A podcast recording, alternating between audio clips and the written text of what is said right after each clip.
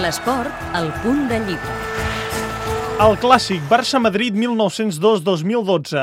Aquest és el títol del llibre del periodista de TV3 Bernat Soler, un llibre que narra la història dels partits entre dos dels màxims rivals del futbol. Tot i que és un tema força tractat, els lectors no han d'esperar-se un producte habitual. El llibre és un repàs de tots els Barça-Madrid que s'han jugat durant la història. Són 218 partits en competició oficial i és un repàs fet a partir de les portades dels diaris i revistes de cada època del dia després del, del partit.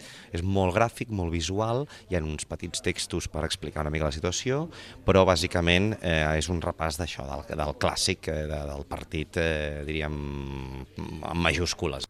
L'autor creu que el perfil de lector que pot agradar el llibre és molt divers.